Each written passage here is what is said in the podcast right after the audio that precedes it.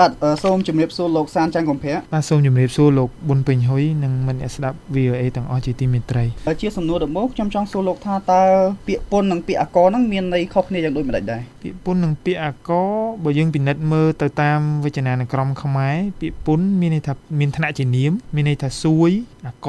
ដែលប្រជានិករត្រូវបង់តាមកំណត់ឧទាហរណ៍ពុនស្រូវពុនទូកពុនទៀសពុនខ្លួន តែចំណែកអកវិញមានន័យថាពាក្យសួយដងវាយចំនួនឬប្រាក់ពុនអញ្ចឹងយើងពិនិត្យមើលនិយមន័យនៃពាក្យទាំងពីរហ្នឹងយើងឃើញថាតាមពិតពាក្យហ្នឹងជាពាក្យន័យដូចទេបាទលោកកុម្ភៈតើអ្នកណាខ្លះមានកាតព្វកិច្ចនៅក្នុងការបង់ពន្ធគឺពលរដ្ឋគ្រប់រូបទាំងអស់នយោជកនយោជិកក្រុមហ៊ុនរោងចក្រសហគ្រាសចាស់អចលនទ្រព្យនិងចលនទ្រព្យទាំងអស់ខ្ញុំឧទាហរណ៍មួយដូចជាម្ចាស់អចលនទ្រព្យម្ចាស់ផ្ទះជួលដែលក្រុមហ៊ុនគាត់ជួលផ្ទះគាត់ដើម្បីធ្វើជាទីស្នាក់ការអញ្ចឹងគាត់ត្រូវបង់ពន្ធអឺ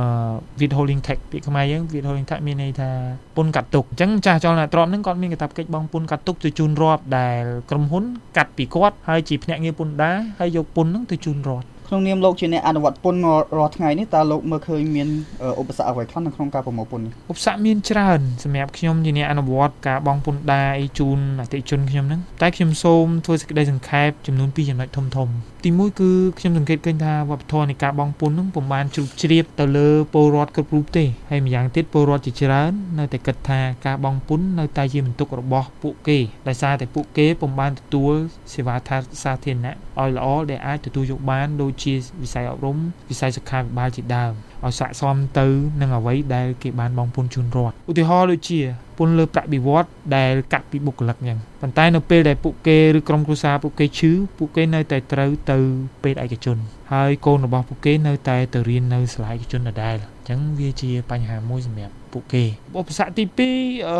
តាមពិតវាជាអាវុធមុខពីរឯងឧបសគ្គទី2ហ្នឹងណាខ្ញុំឃើញថាកំណែតម្រង់ពន្ធដាររបស់រាជរដ្ឋាភិបាលហ្នឹងសប្តាហ៍ថ្ងៃហ្នឹងជាអាវុធមុខពីរបាទរដ្ឋាភិបាលបានគៀងគោចំណូលពន្ធដារហ្នឹងបានច្រើនជាងមុនដែលធ្វើឲ្យរដ្ឋយើងមានប្រាក់ចំណូលច្រើនដើម្បីធ្វើកំណែតម្រង់ប្រព័ន្ធសេវាសាធារណៈនិងការវិនិយោគលើវិស័យអប់រំប្រាក់ខែមន្ត្រីរាជការគ្រូបង្រៀនបានច្រើនជាងអាណត្តិមុនដែលជីវិតជួយសម្រួលបន្ទុករបស់ពួកគាត់គួរឲ្យកត់សម្គាល់ដែរ តែយើងងាកមើលមកវិស័យឯកជនវិញក្រុមហ៊ុនជាច្រើន នៅពេលបច្ចុប្បន្ននេះគឺកំពុងតែជាប់ពិន័យពន្ធឬក៏ជាប់ពិន័យសាវនកម្មពេញលេញរួមទាំងក្រុមហ៊ុនវិនិយោគដែលមានលក្ខណៈសម្បត្តិគ្រប់គ្រាន់ពីបរទេសផងដែរការប្រមូលពន្ធដោយមន្ត្រីពន្ធដារខ្លះមានភាពល្អប្រសើរប្រកបដោយមនសិការវិជ្ជាជីវៈនិងព្រលឹងនៃការកសាងជាតិប៉ុន្តែក៏មានមន្ត្រីខ្លះគាត់ មិនគោរពវិជ្ជាជីវៈដោយអនុវត្តមិនត្រឹមត្រូវបាទការនេះអាចបង្កឧបសគ្គដល់បរិយាកាសវិនិយោគរបស់វិស័យឯកជននិងនៅនឹងវិស័យ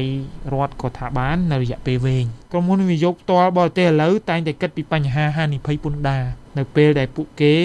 អញ្ជើញមកវិនិយោគនៅប្រទេសកម្ពុជាដោយសារតែភាពមិនច្បាស់លាស់នៃច្បាប់ពន្ធដារយើងនិងការអនុវត្តជ្រុលហួសហេតុរបស់មន្ត្រីពន្ធដារមួយចំនួនប៉ុន្តែខ្លួនខ្ញុំផ្ទាល់ខ្ញុំជឿជាក់ថាកំណែតម្រង់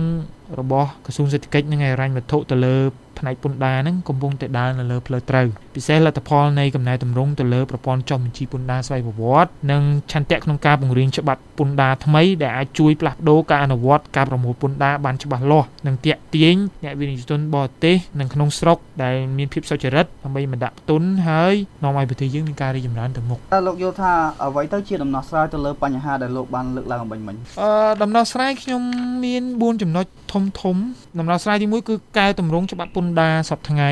ឲ្យវាមានភាពស៊ីសង្វាក់ទៅនឹងវិស័យឯកជនធ្វើម៉េចឲ្យវាគ្រប់គ្រងវិស័យឯកជនបាទចំណុចទី2យើងព្យាយាមពង្រឹងវិជ្ជាជីវៈនិងសិលធម៌នៃការប្រមូលពន្ធពីមន្ត្រីពន្ធដារនឹងទាំងការប្រមូលទាំងការធ្វើសកម្មកម្មបាទពពុះវាមាននៅខ្វះចន្លោះច្រើនហើយយើងត្រូវលើកស្ទួយវប្បធម៌នៃការប្រមូលពន្ធនិងបញ្ជ្រាបវប្បធម៌នេះទៅប្រជាពលរដ្ឋទូទៅហើយឲ្យពួកគាត់យល់ថា បងពុនជរដ្ឋគឺស្នេហាជាតិចុងក្រោយខ្ញុំថាយើងព្យាយាមធ្វើម៉េចឲ្យមានប្រព័ន្ធស្វ័យប្រវត្តិកម្មនៃការបងពុនហ្នឹងឲ្យបានល្អប្រសើរជាងនឹងបាទសំណួរចុងក្រោយចង់សួរថានៅពេលថ្មីថ្មីនេះរដ្ឋាភិបាលមានការលុបចោលនៅរបបមកការមួយតើលោកយល់ថាចំណាក់ការនេះជាចំណាក់ការល្អឬក៏យ៉ាងម៉េចដែរសម្រាប់ខ្លួនខ្ញុំផ្ទាល់ខ្ញុំគ្រប់គ្រងចំពោះចំណាត់ការនេះ ដោយសារតែយើងឃើញថា80%នៃបុគ្គលិកមន្ត្រីពន្ធដារពីមុនហ្នឹងត្រូវទៅប្រមូលពន្ធពីរបបម៉ៅការហ្នឹងដែលមានតែ1%នៃនៃចំណូលពន្ធដារសរុបហើយឈ្មួញធំធំមួយចំនួនបានយករបបម៉ៅការដើម្បីជាលេសក្នុងការកិច្ចពន្ធដូចជាអាករលើតម្លៃបន្ថែមជាដើមហើយម្យ៉ាងទៀតការលុបរបបមកការនេះវាជួយកាត់បន្ថយអំពើពុករលួយរបស់មន្ត្រីពន្ធដារមួយចំនួនដែលទៅខុបខិត ជាមួយនឹងអ្នករកស៊ីដើម្បីឲ្យពួកគេទាំងនោះបង់ពន្ធតិចដោយជ្រកក្រោមរបបម៉ៅកាសសូមអរគុណលោកសានច័ន្ទកុម្ភៈច្រើនដែលបានចំណាយពេលវេលាមកកាន់សិទ្ធិយោរបស់ VOA ប្រិយមិត្តក៏អាចស្ដាប់នៅបទសម្ភាសន៍នេះឡើងវិញដោយគ្រាន់តែចូលទៅកាន់គេហទំព័ររបស់ VOA គឺ khmer.voanews.com ឬចូលទៅទំព័រ Facebook របស់ VOA គឺ VOA ខ្មែរ